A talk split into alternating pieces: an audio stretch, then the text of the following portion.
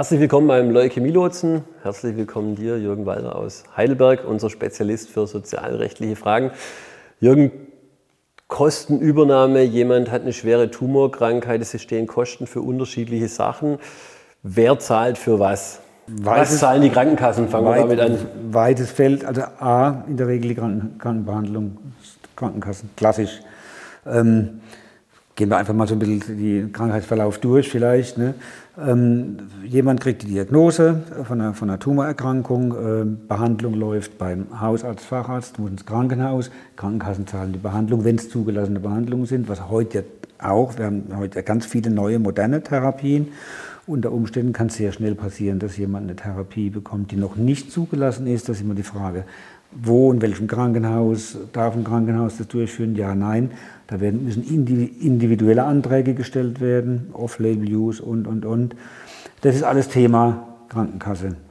Ähm, darüber hinaus, alles, was mit der Krankenbehandlung verbunden ist, Fahrtkosten zur Therapie, gibt es die Regel, ambulante Fahrtkosten werden generell nach dem SGB V, nach dem Sozialgesetzbuch, das die Regelungen für die Krankenkassen enthält, werden nicht übernommen, aber für sogenannte Serienbehandlungen, das ist zum Beispiel eine Chemotherapie, eine Strahlentherapie, auch Immuntherapien, diese, äh, wie sagt man, ähm, antitumoralen Therapien, die werden, die werden übernommen. Äh, normalerweise immer eine Eigenbeteiligung bei allen Leistungen der Krankenkassen, ob das Arzneimittel sind, ob das Hilfsmittel sind, äh, Fahrtkosten, ist eine, fällt eine Eigenbeteiligung an.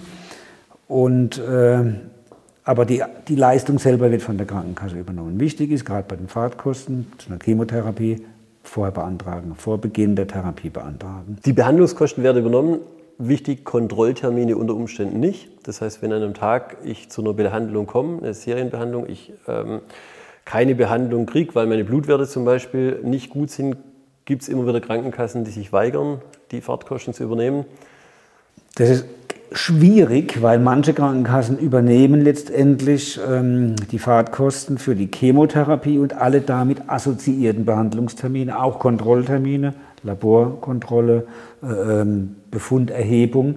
Und andere sagen, nein, nur die reinen Therapietermine. Das muss man dann wirklich mit seiner wirklich Krankenkasse genau, ja. konkret abklären, was da übernommen wird. Sonst bleibt man natürlich auf, einer, auf einem Teil der, der Fahrkosten sitzen. Und je nachdem, wie die wie die Anreise ist, äh, kann das ganz erheblich sein. Wichtig in diesem Zusammenhang auch äh, Fahrkosten nur zum Krankenhaus, das das Wohnortnächste ist, das die Therapie durchführen kann, ist ganz wichtig. Wir haben ja verschiedene Zentren, onkologische Zentren und auch Spitzenzentren in Deutschland. Und wenn die Patienten von weit her kommen und jetzt einen Wunsch haben, ich möchte aber nur da oder dort, Freiburg, Tübingen, Heidelberg, je nachdem behandelt werden und das ist nicht das nächste Zentrum, dann übernimmt in der Regel die Krankenkasse die Fahrtkosten nicht oder nur bis zum nächsten Zentrum.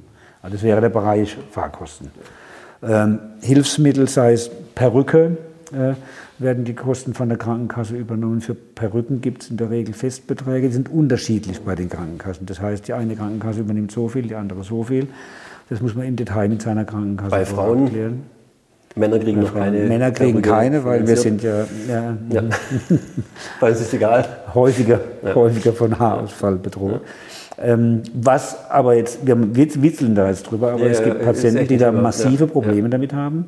Also es ist auch, denke ich, äh, ist eine Problematik. schon eine Problematik, ja, ja. Die, die für manche Betroffene einfach schwierig ist. Ne? Also der, der Verlust der Haare eben auch bei, bei männlichen Patienten. Aber da werden eben keine Perückenkosten übernommen bei Männern. So außerhalb den Behandlungskosten, dass ich ins Krankenhaus komme, wenn ich merke, ich komme zu Hause nicht zurecht, das Thema Haushaltshilfe? Haushaltshilfe ein wichtiges Thema, insbesondere für Patientinnen oder auch Patienten, die Kinder haben. Ähm, äh, da werden die Kosten von der Krankenkasse dann übernommen, wenn keine weitere Person im Haushalt lebt, die den Haushalt führen kann oder die Kinder versorgen kann.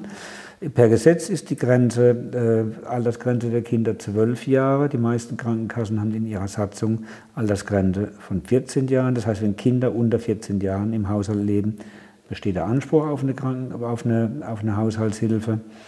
Bei einer äh, stationären Behandlung maximal äh, unbegrenzt, bei ambulanter Behandlung maximal 26 Wochen.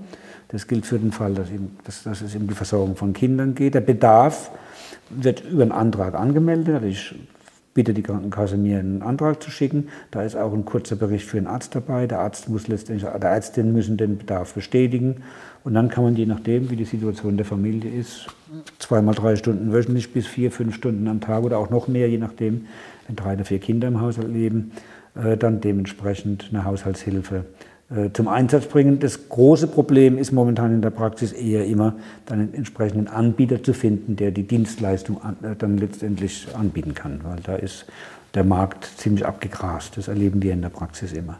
Man kann auch im privaten Umfeld jemanden fragen, ob er eventuell mit unterstützen kann. Auf was ist da zu achten? Also es kann sowohl, kann auch der Ehepartner, Ehepartnerin sein und kann dann Verdienstausfall geltend machen. Das können auch Verwandte sein, die dann aber keinen, äh, äh, die dann letztendlich, wenn das jetzt äh, direkte Verwandte in gerader Linie Verwandte sind, Oma beispielsweise, dann können die möglicherweise Fahrtkosten geltend machen, aber sie bekommen keine Vergütung für die, für die eigentliche Haushaltshilfe. Oder man kann aber auch Freunde einsetzen, wenn man das hat, und dann kann man die ähm, bis zum gewissen Betrag dann äh, letztendlich auch eine Vergütung abrechnen mit der Krankenkasse. Die Beträge sind nicht sehr hoch. Hm, aber das ist auch eine, eine weitere Möglichkeit. Ne? Also sich informieren, welche Möglichkeiten bietet die Krankenkasse, was gibt es im Umfeld, welche Anbieter sind da? Genau, ne? entweder kommerzielle Anbieter über Sozialstationen oder über so Anbieter von haushaltsnahen Dienstleistungen, so heißt es, bis hin dann zum Freundeskreis oder Familie. Und dann gucken, welche Möglichkeiten es da gibt. Also das ist dieser Komplex Haushaltshilfe. Wenn die Haushaltshilfe ausgeschöpft ist, ist es noch ergänzend von der Krankenkasse, sei es, dass die 26 Wochen ausgeschöpft sind äh, und, oder aus anderen Gründen kein Anspruch mehr besteht, kann man auch über das Jugendamt, über die Jugendhilfe letztendlich dann im Rahmen der, äh, wie heißt es, Hilfe für Kinder in Notsituationen, eine Verlängerung der Haushaltshilfe beantragen. Das ist noch eine Alternative. Rechtzeitig machen wir erleben, dass das ähm, lange Verfahren sind, bis da Antworten teilweise kommen. Ähm Zugang besteht auch, wenn man keine Kinder hat, für Menschen, die eine, äh, eben nach einem Akutkrankenhausaufenthalt oder während einer Chemotherapie bei einer schweren akuten Erkrankung, da wird aber die Haushaltshilfe in der Regel immer nur vier Wochen gewährt. Da muss man beispielsweise dann, äh, wenn man eine Chemotherapie bekommt, immer wieder in diesen Zeitabschnitten neu beantragen. Aber wie gesagt, das ist dann auch ein Zugang für Menschen, die keine Kinder unter zwölf beziehungsweise 14 Jahre haben. Und niemand im Haushalt wohnt. Und niemand im Haushalt wohnt, der die Leistung erbringen kann. Das heißt, genau, alleinstehende Menschen, die die, ja. die Möglichkeit haben, ja. nur wenn niemand im Haushalt lebt. Genau, und durch die Therapie natürlich so eingeschränkt sind, dass sie die Hilfe brauchen. Das wäre die Haushaltshilfe. Fahrtkosten haben wir, Haushaltshilfe haben wir. Was gibt es noch an Leistungen? Therapiekosten haben wir, Therapiekosten, glaub, das sind so die wichtigsten. Heilbehandlungen, Physiotherapie und, und, genau. und auch da gibt es Zuzahlungen. Ähm, Zuzahlungsgrenzen vielleicht? Genau, das wäre jetzt die nächste Kurve, die ich gekriegt hätte, wenn, wenn äh, die äh, über die Arznei, über die Zuzahlung für Arzneimittel, für Fahrtkosten, für Heilbehandlung, Hilfsmittel eine bestimmte Grenze überschritten ist. Das ist bei einer chronischen Erkrankung ein Prozent des Familienbruttoeinkommens. Bei einer nicht chronischen Erkrankung sind es zwei Prozent. Was heißt chronisch? Chronisch heißt, dass eine Erkrankung ein Jahr vorliegen muss und pro Quartal mindestens einmal äh, behandelt worden ist, wenn man beim Arzt war deswegen. Das heißt, bei einer Krebserkrankung, die heute diagnostiziert wird, bin ich erst in einem Jahr chronisch krank und habe dann die reduzierte Zuzahlungsbefreiungsgrenze von einem Prozent.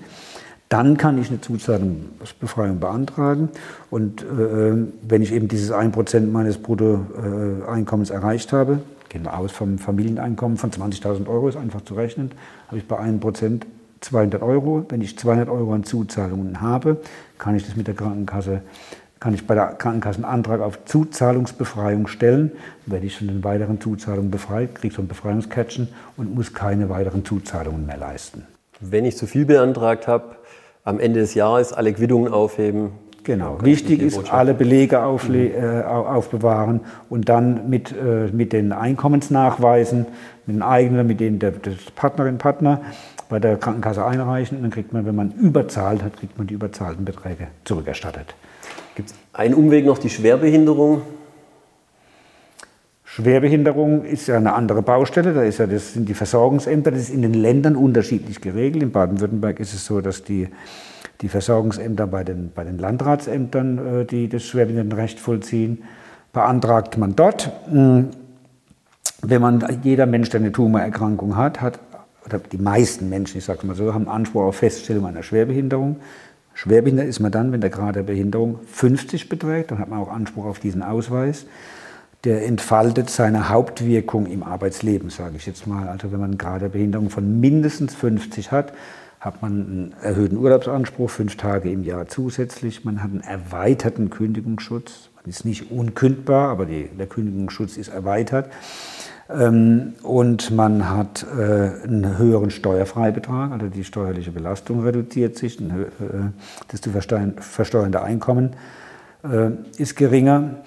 Und äh, man hat auch dann unter Umständen bei Leistungen von der Krankenkasse, wenn es die Fahrtkosten angeht, möglicherweise Erleichterungen. Das ist aber im Einzelfall ganz unterschiedlich, muss man dann prüfen. Auch die Zuzahlungen können dadurch verfrüht auf 1% runterkommen, ist, glaube ich, schon noch eine die, wichtige Botschaft. Genau, ja. das ist natürlich noch die, äh, eine zentrale Botschaft, dass man eben dann die Zuzahlungen, äh, die, die, die Chroniker-Situation nachweisen ja. kann über die Schwerbehinderung. Das heißt, rechtzeitig den Schwerbehindertenantrag stellen, dann habe ich die Möglichkeit, vielleicht schon im ersten Jahr nur genau, 1%, zu bezahlen. Zu zahlen, wenn die Was ja schon auch viel Geld sein kann.